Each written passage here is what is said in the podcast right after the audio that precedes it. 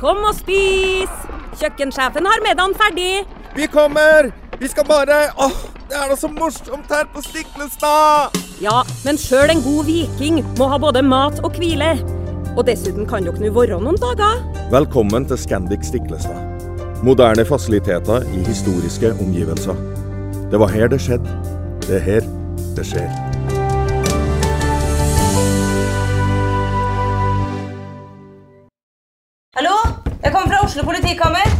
Ine Jansen er purk. Er du purk? The motherfucking bitch. Alt jeg vil, er å finne ut hva som skjedde med mannen min. Jon Carew. Er jeg sikta for noe? Iben Akeli. Det er du.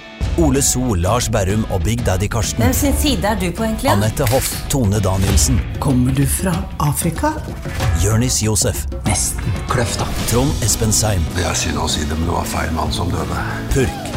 Premiere tirsdag på TV2 Play.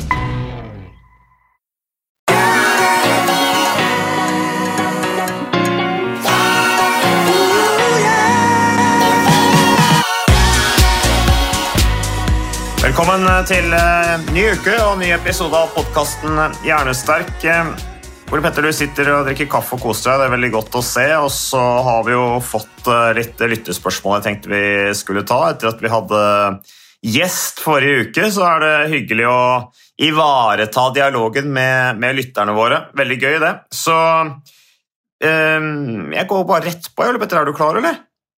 Klar som eh, et egg. En liten sånn refleksjon her fra en eh, dame som skriver til oss. Eh, Tusen takk for en bra podkast. Det er motivasjon for min del når jeg har en dårlig dag og ikke vil trene. Det er jo kjempehyggelig å høre, først og fremst. Eh, Dette er ikke et lyttespørsmål, men en historie fra meg som jeg vil dele. Takket være Ole Petter og boka Sterk hjerne. Er ikke det hyggelig å høre, Ole Petter? Oh, made my day. Det var en eh, hyggelig melding å få tidlig på morgenen. Det er veldig hyggelig å få litt uh, anerkjennelse og gode tilbakemeldinger. Det motiverer. Uh, så det må vi huske på å gi hverandre også i hverdagen. Gi hverandre et smil og en god tilbakemelding. Det hjelper. Uh, det, sitter, eh, det sitter ikke alltid løst hos oss alle, men det er viktig å gjøre. Så skriver hun videre Jeg har alltid vært glad i fysioaktivitet og er avhengig av det. Det gjør godt for kropp og topp. For tre år siden var jeg på joggetur i regnværet og sprang ned en gjørmete bakke, sklei og landa på nakken, hvor det stakk en stein opp. Og Det gjorde selvfølgelig veldig vondt, og jeg følte meg ør i hodet etterpå. Men jeg reiste meg opp og gikk resten av turen hjem. Men merka at smerten ikke ville gå over, og gikk med stiv nakke. Jeg jobba i barnehage, masse lyd og fysisk arbeid, masse løft, og hodet må være påkobla hele tiden. Jeg merka at jeg sleit med å konsentrere meg. Gikk med hodepine og begynte å slite eh, med søvnen. Etter hvert gikk det over til at jeg fikk panikkmodus. Panikkmodus, altså type angstanfall, tenker du ikke det, at det er det, Ole Petter? Det kan høres litt sånn ut, ja. Ja, Nå vet jo ikke vi helt nøyaktig, men vi tolker det sånn. Eh, Og så leser jeg videre. Kroppen var så anspent og stressa. Jeg sleit med lyd og lys, syn og fikk migrene.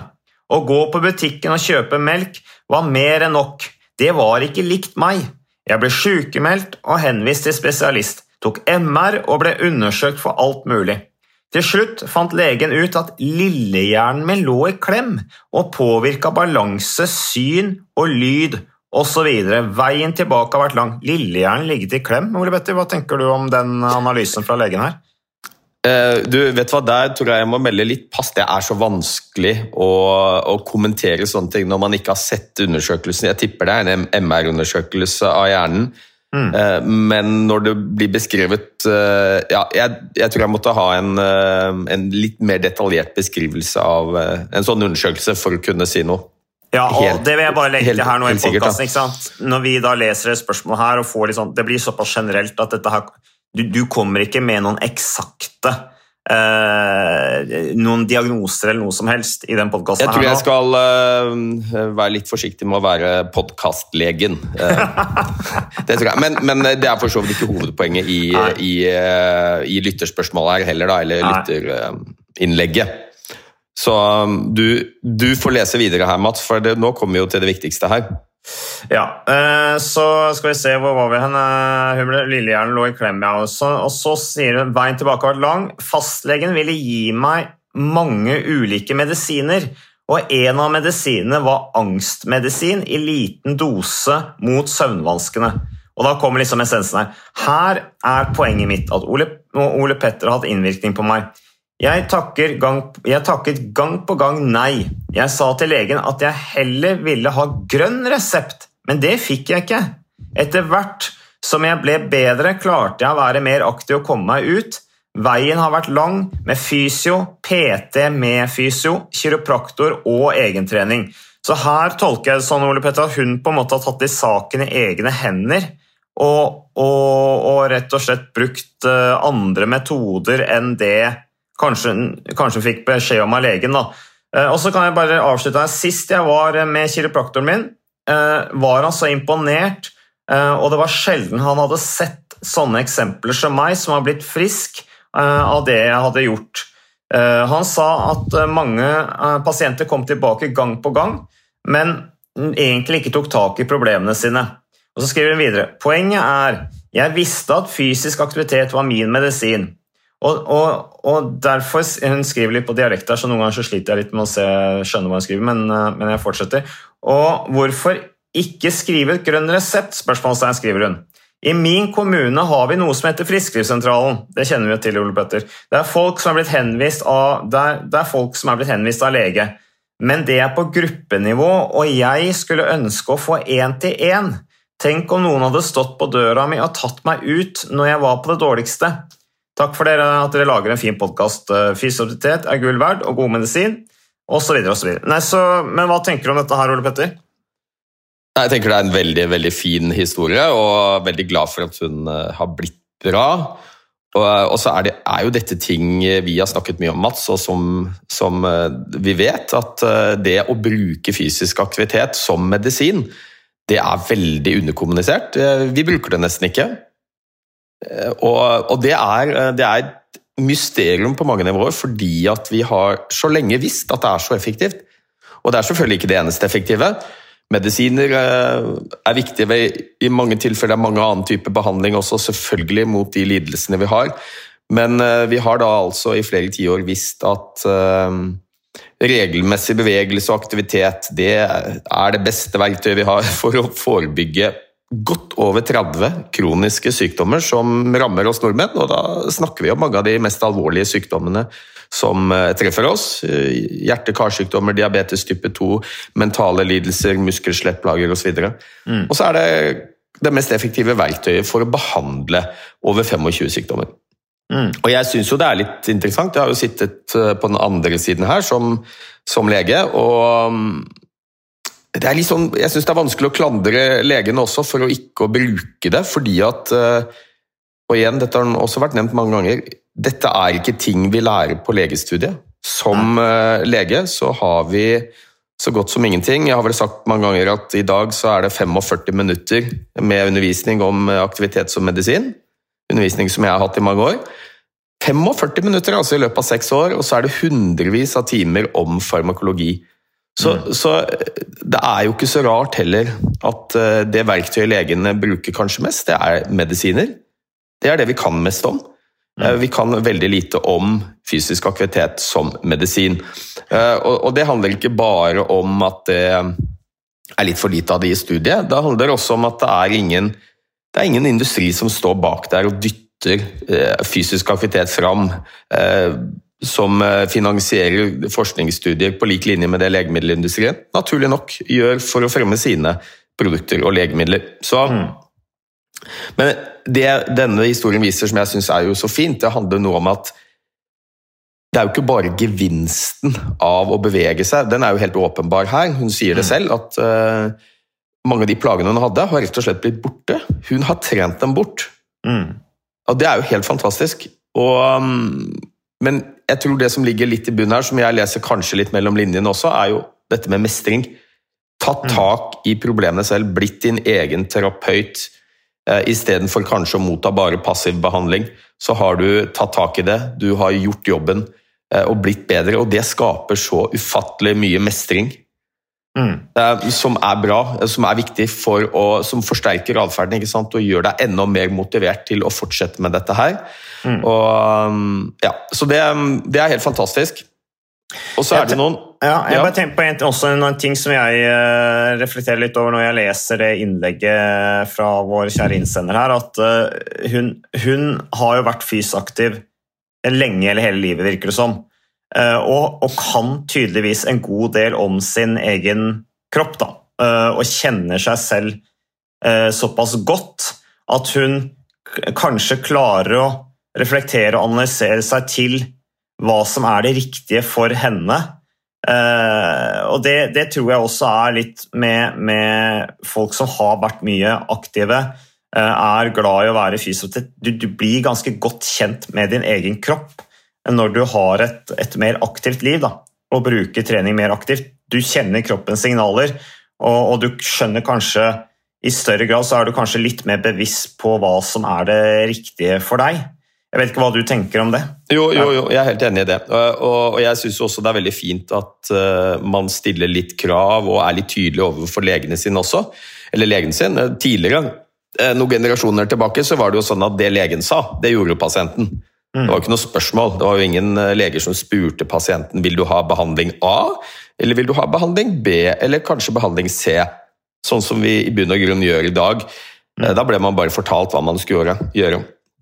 Og jeg syns jo det er fint her at hun leser at det er en henne, men det vet jeg ikke om det er, faktisk. Det er det, tror jeg. Ja. Ja, Det spiller for så vidt ingen rolle. Men til å ha sagt til legen sin at nei, eh, jeg vil ikke ha medisiner, jeg vil ha en annen type eh, behandling. Og det syns jeg er veldig fint. Man, man må faktisk være litt eh, tydelig eh, på hva slags type behandling man faktisk ønsker. Um, og så er det jo noen, er det noen spørsmål her, da. Som hvorfor skriver vi ikke ut grønn resept? For det hadde hun spurt om. Og de fleste vet kanskje hva grønn resept er, men jeg tar bare en kjapp sånn, eh, oppfrisker av det for de som ikke har, er kjent med begrepet. Og Det er jo et verktøy vi leger har, spesielt allmennleger, fastleger. Når pasientene kommer til oss, så kan vi velge å snakke med pasientene om fysisk aktivitet som medisin. Vi kan snakke om kosthold som medisin. Og når vi gjør det, så får vi litt ekstra betalt. En refusjon eh, som vi får noen ganger i løpet av et år for hver enkelt pasient. Så for hver enkelt pasient så kan vi noen ganger i løpet av året eh, snakke om fysisk aktivitet og kosthold.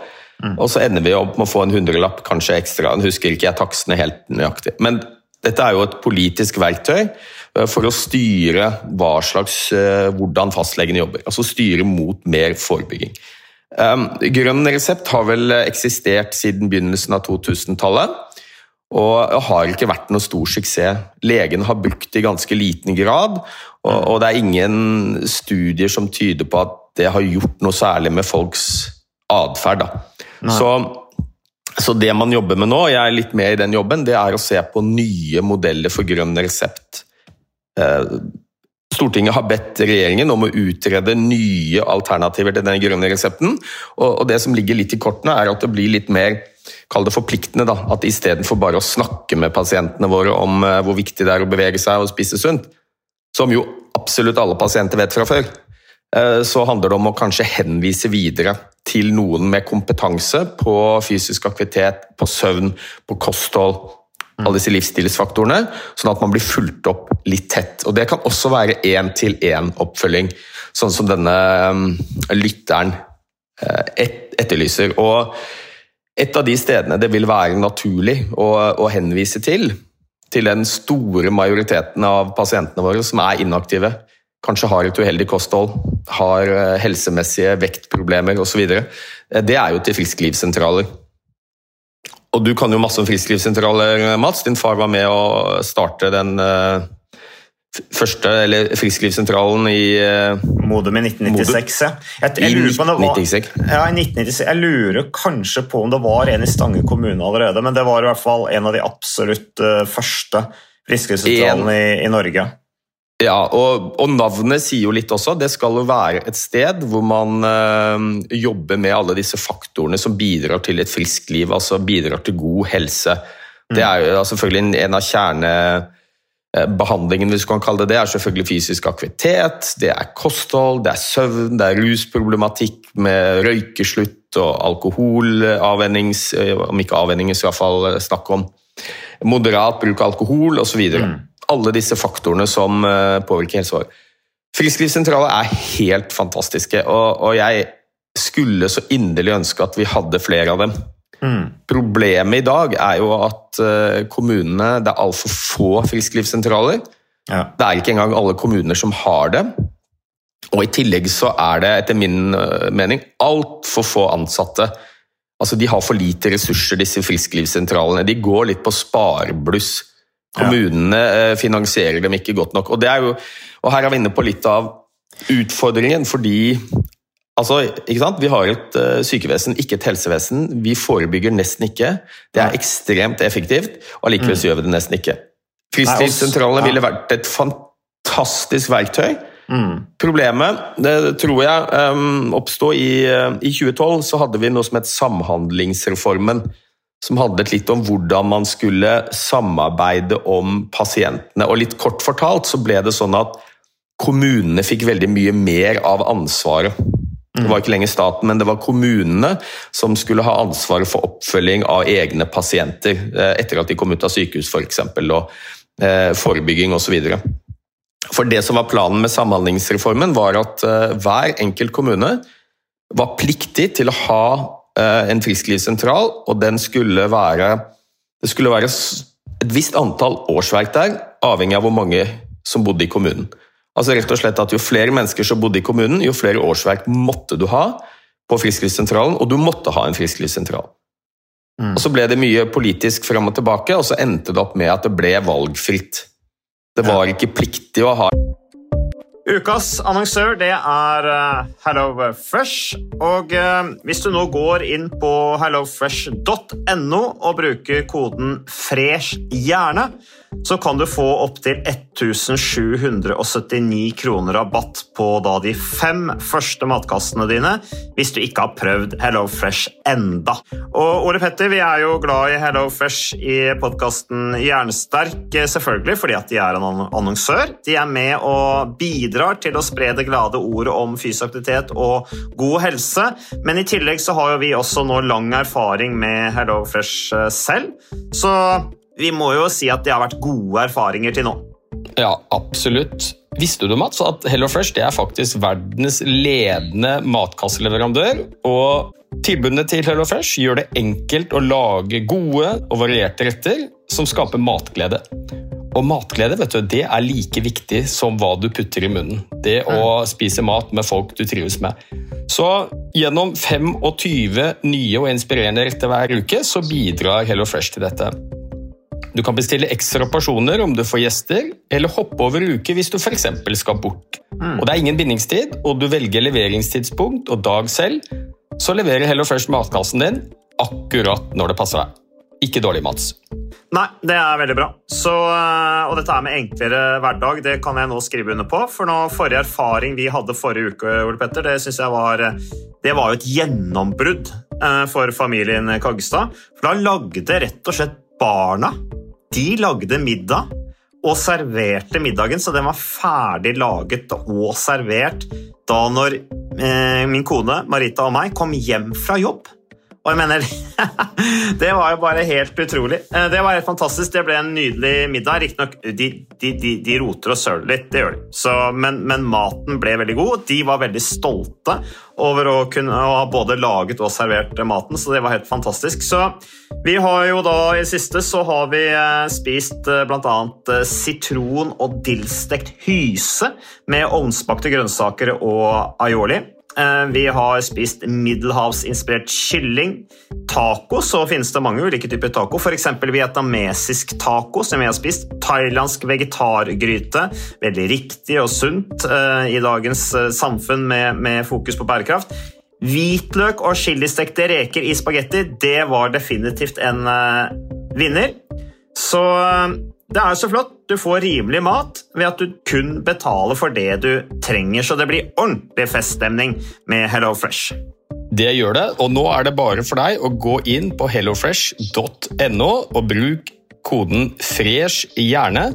Da får du opptil 1779 kroner rabatt på de første fem matkassene dine hvis du ikke allerede har prøvd HelloFresh. Du kan også bruke rabattkoden hvis du har stoppet abonnementet ditt for tolv måneder siden eller mer. Er det noe å lure på? Håper maten smaker godt. Bon appétit! en frisklivssentral. Det var, kommunene kunne bestemme. De kunne selv bestemme hvor mange årsverk det skulle være, og finansiering. Mm. Og da er det som det veldig ofte blir. Forebygging er langt ned på rangstigen, så når kommunene sliter med midler, hvor er det første stedet de kutter? Eller iallfall ikke første stedet de putter inn pengene sine. Det er ikke forebygging. Nei, og så var det jo, men, men når fattern satte i gang Friskesentralen i, i Modum kommune i 1996, så, så, var jo det var fordi han var kultursjef. Og sykefraværet i Modum var så høyt, så det var, et, det var, jo et, tiltak for å få ned sykefraværet.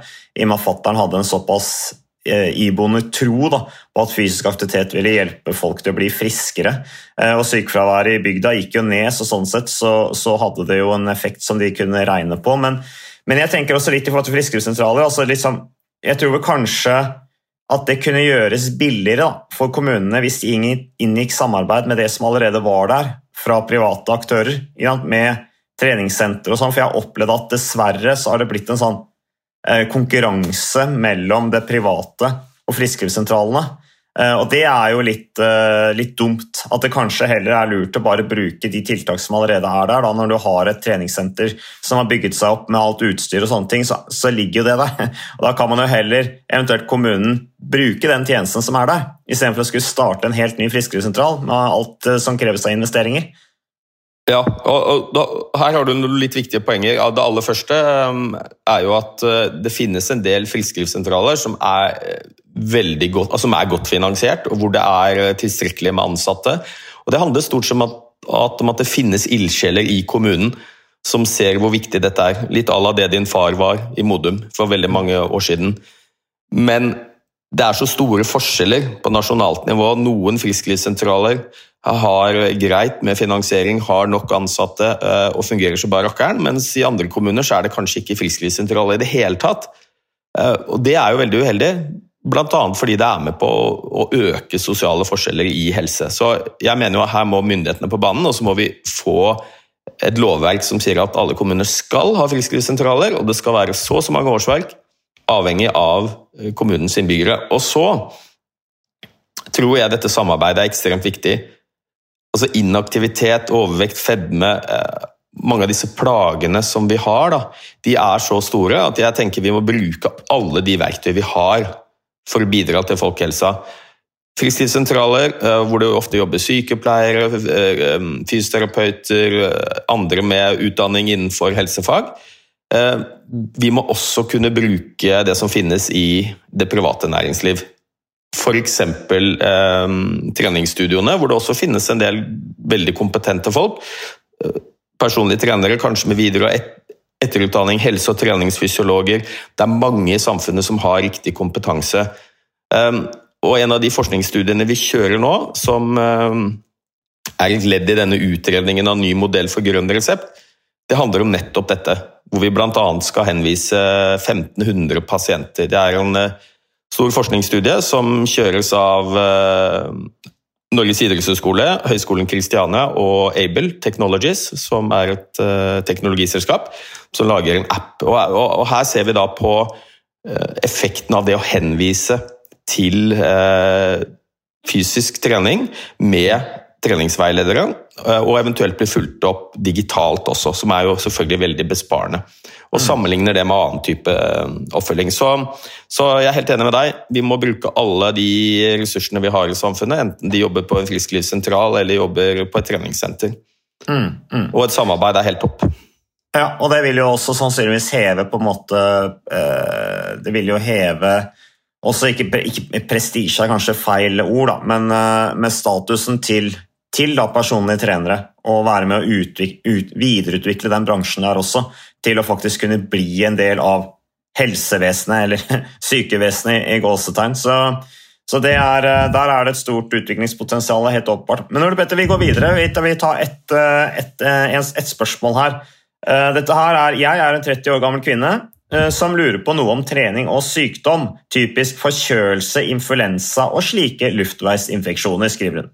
Jeg pleier å bli syk to ganger i året, og er som regel syk i godt over en uke. Er dette normalt? Spørsmålstegn.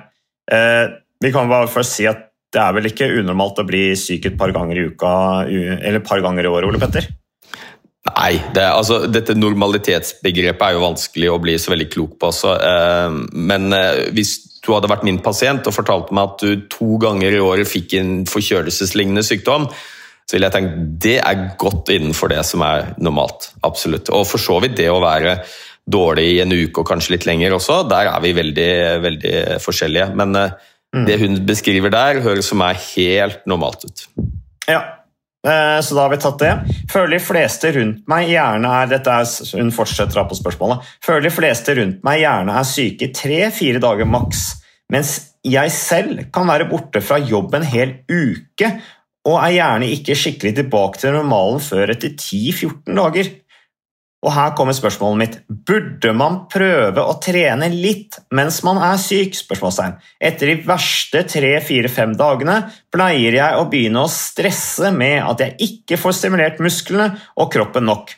Jeg presser meg derfor ofte til å gjøre litt styrkeøvelser hjemme, pushups, shinups, knebøy osv., i den tro at gevinsten dette har for å opprettholde styrken min gjennom sykdomsforløpet, veier opp for ulempen, og det gjerne er å eh, og det gjerne når det trenes systematisk eh, sett, ja, Unnskyld, her leser jeg litt feil her. Eh, Istedenfor å slappe av, da, skriver hun. Og gjerne til og med fortsatt når jeg har litt feber. altså hun, hun prøver å gjøre litt, da, selv om hun har litt feber. Um, så hun, litt, hun, hun, blir utålmodig, blir rastløs, begynner å trene litt uh, når hun da føler at hun ennå ikke er helt frisk, uh, for å si det på en annen måte. Hva er egentlig best å gjøre, spør hun. Um, hva tenker du om det, Ole Petter? Du, jeg tenker at hvis jeg skal være veldig kategorisk, jeg prøver å være det på det ene her, så ville jeg Min klare anbefaling er hvis du har feber, ikke tren. Mm. Ja, absolutt. Og det, det, er det gode helsemessige grunner til, og det er det gjort en del studier på. Og, og det å trene eh, når man har feber, det, det, er faktisk litt risikabelt. Eh, det kan i hvert fall være skummelt. Eh, øke risikoen for å få følge komplikasjoner i ettertid osv. Utmattelsessyndrom, og det er sett på betennelser i hjertemuskelen og, og i, i, verste fall, hvis man kjører hard intensitet med feber, så kan det være rett og slett eh, fare for liv og, og helse. Så, så, det er mitt sånn klare eh, tips. Det er ikke tren når du har feber.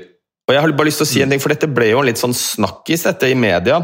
Men hva er feber at... først, Ole Petter? Altså, hvor, hva, er høy, hva, er høy, feber, liksom? Altså... Ja, altså, vi har jo en kroppstemperatur på litt over 37 grader. Eh, mm. Feber er jo når eh, Det er jo ikke noe sånn veldig enkel definisjon på det. Det er jo når kroppstemperaturen stiger, og i fall når den begynner å gå over 38 grader, så snakker vi iallfall om feber. Ja. Men her er vi jo litt forskjellige også, for noen har en normaltemperatur som ligger opp mot 38, og da vil jo det være normalt for dem. Og noen har en kroppstemperatur som kanskje ligger helt ned på 36, et eller annet, og da vil jo eh, litt 37, litt over det være feber. Så Mm. Men jeg tror de fleste gjenkjenner symptomene på feber. Og det er jo at man gjerne føler seg litt sånn varm og kald om hverandre og har redusert allmenntilstand. Da mener jeg, og det er et generelt helsetips som jeg tror de aller fleste i, eh, i, eh, som jobber med helse, ville vært enig i, at da, da, bør man holde seg unna trening så lenge man har feber. Dette ble jo litt snakkis i forbindelse med VM i Budapest, for der løper jo eh, Jakob Ingebrigtsen med feber. Mm. Uh, og så ble han jo litt sånn hyllet for det. Ikke Bare, han her er macho, han her er tøff. ikke sant? Han vinner, eller ble nummer to da, på 1500 med feber i kroppen. Mm. Og så husker jeg at en kollega av meg, eller en, um, en veldig klok professor som jobber ved NTNU, som heter Øyvind Sandbakk, han, han gikk ut og skrev at vet du hva, dette syns jeg ikke vi skal hylle. Iallfall ikke for vanlige folk. Nei. Eh, for da kunne man jo kanskje få inntrykk av at det var litt sånn kult og, og tøft å presse seg med feber. Mm. Og det er det ikke. Og så er jo én ting når det står om et VM-gull, og du veier fordeler mot ulemper og risiko. Vi tar jo alle litt risiko i livet, og jeg tenker for en Jakob Ingebretsen så er det sikkert gjort grundige vurderinger av helseteamet rundt ham, og, og det er nå én ting. Når det er et VM-gull som står på spill, så er du vel kanskje villig til å, å ta en liten sjanse. Men for vanlige folk så tenker jeg at uh, feber, da er det no go. Da bør man ikke trene. Men jeg tenker litt sånn i forhold til hva man gjør, Ole Petter. Altså, eh, jeg husker jo selv da jeg var idrettsutøver, og hvis jeg ble sjuk, så kunne det jo være at jeg gikk ut og gikk meg en tur, f.eks. Altså, hvis jeg følte meg ok, det gikk ut og gikk, bare helt lav terskel, at du fikk brukt kroppen litt, du fikk opp blodsirkulasjonen litt. Eh, og det hun beskriver, er at hun tar litt pushups, litt chinups, litt knebøy. Altså, det er vel ikke nødvendigvis sånn som er så belastende for hjertet at, at, det, at, det, et, at det vil gjøre en noe sykere. Og jeg tenker også hvis du har veldig høy hvis du har, altså Det er graden av hvor høy feber du har. da. Uh, at liksom ikke det er svart-hvitt på feber. altså Hvis du har så høy feber uh, hvis, du har hvis, du har veldig høy feber, så orker du ikke å gjøre noe. Da ligger du i senga, og du, du er svimmel og klarer ikke å reise deg opp. og sånne ting. Men hvis du merker at du begynner å bli litt utålmodig, litt rastløs, så er vel det kanskje et tegn på at du uh, er i ferd med å begynne å bli litt bedre. da. Og at det er greit å komme i gang med å få opp blodsirkulasjonen litt, så lenge du ikke drar ut og trener intervaller eller løper langtur eller drar på treningssenter og jobber i timevis med, med høy intensitet. Og Her er det selvfølgelig et def definisjonsspørsmål, og jeg mener jo ikke at hvis du har litt feber, så skal du lenke deg til senga og bare ligge der til feberen er borte. Du må gjerne bevege deg litt og, og tusle seg en tur. og Om du gjør pushups, det er jo ikke noe farlig, det. Poenget mitt er at uh, ikke tren som vanlig hvis du er glad i å trene. Uh, og du har feber, så hold deg unna i alle fall aktivitet med moderat til høy intensitet. Skal du mm. gjøre noe, så bør det være veldig lav intensitet. Eh, og de aller fleste vil da si at de trener ikke, men kanskje gikk de seg en tur eller beveger seg. Det mm. tenker jeg er greit. Men skip skipp den vanlige treninga di når du har feber. Og så er jo neste spørsmål bør man trene når man er sjuk. La oss si at du går en uke da, med vond hals og tett i nesa, sånn typisk forkjølelse. forkjølelse. Og så har du feber i et par-tre dager. Da trener du ikke. Skal du da begynne igjen å trene, selv om du ikke er frisk, men du er feberfri? Og da pleier mitt svar å være altså hvis du da føler at du har lyst til å trene, og du er glad i å trene og du har lyst til å trene, og du er litt sår i halsen, men feberfri og har vært det iallfall et døgn, så tenker jeg det er helt greit, men uh, ta det fortsatt litt rolig, litt roligere enn vanlig, fram til du blir helt frisk. Men i spørsmålet her så ligger det jo litt at hun tar disse treningsøktene kanskje mest fordi hun er redd for å tape form. Ja. Og da pleier jeg å si at hvis du er glad i å trene til vanlig, så blir du litt sjuk, og så har du egentlig ikke lyst til å trene fordi du føler deg ikke helt bra, da er mitt klare tips ikke tren. Mm. Uh, men, men, har du lyst til å trene, ta, ta deg en rolig økt. Uh, og, og, jeg tror det er ganske, ganske sånn vanlig følelse for de av oss som er glad i å trene mye. Og så blir vi litt sjuke, og så blir vi etter noen dager litt sånn åh, vi føler oss ikke så bra. Vi er litt avhengig av treninga, mm. og så er vi litt redde for at formen plutselig skal forsvinne. Og jeg tror helt klart, uh, har litt erfaring med dette, at hvis du er forkjøla, og du vet at det tar ca. en uke å bli bra, så er mitt tips ha litt is i magen. Ta de dagene av. Ta fri. Du blir litt fortere frisk, og det er fint lite form du taper på de dagene hvis du trener jevnt og regelmessig ellers. Og så kommer du fortere tilbake igjen til den formen du var, eventuelt, hvis mm. du har litt is i magen og venter til du blir frisk. Ja, og hun her har jo sannsynligvis et veldig godt grunnlag. Eh, så de to eh, periodene i løpet av året hvor hun er syk, det, er kanskje bare bra for henne å, for, eh, å fordøye den treninga hun har gjort. Og da en slags sånn naturlig periodisering, da, hvor hun kanskje får litt overskudd og får litt, litt lysten til å trene igjen som hun kanskje egentlig bare har godt av. Det er jo nok av eksempler på idrettsutøvere som måtte bli syke for å komme i form, fordi at de trente altfor mye. Ja, ja. Så det var først ja. etter at de hadde vært syke at de fikk det overskuddet som gjorde at de begynte å vinne eller få, få resultater som de ellers ikke fikk. Ja, jeg er rimelig sikker på at du får en eh, større treningsgevinst hvis du faktisk har litt is i magen, ta fri når du er sjuk, og kroppen din forteller deg at eh, Og det pleier jeg å tenke, da, at jeg er veldig glad i å trene. Hvis eh, helsa mi er sånn at jeg ikke har lyst til å trene, så tenker jeg ok, da, da tar jeg noen dager fri. Eh, og jeg tror da som sagt du fortere blir frisk hvis du holder deg i ro når du er sjuk. Og i tillegg så, så, kan du starte igjen og trene mer normalt, kjappere, istedenfor å gå rundt og hangle. Du, det er ofte sånn at man forlenger sykdomsperioden litt hvis man driver og trener men, mens man er sjuk. Så større gevinst ved å ha is i magen, ta noen dager fri, sannsynligvis bare bra for deg, eh, og så sett i gang normalt når du er frisk. Ja, og vi takker for eh, spørsmålene og innleggene vi får på sosiale medier. Det er stort sett Instagram eh, vi får meldinger fra, så takk for det. Takk for at du lytter på podkasten Hjernesterk. Takk til deg, Ole Petter. Takk til Moderne Media. Vi er tilbake med mer podkasten Hjernesterk neste uke.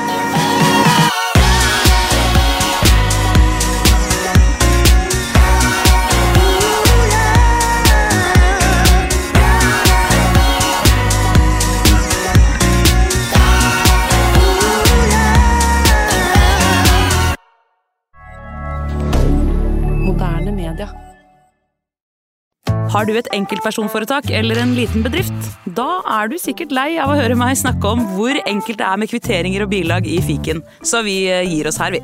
Fordi vi liker enkelt. Fiken superenkelt regnskap.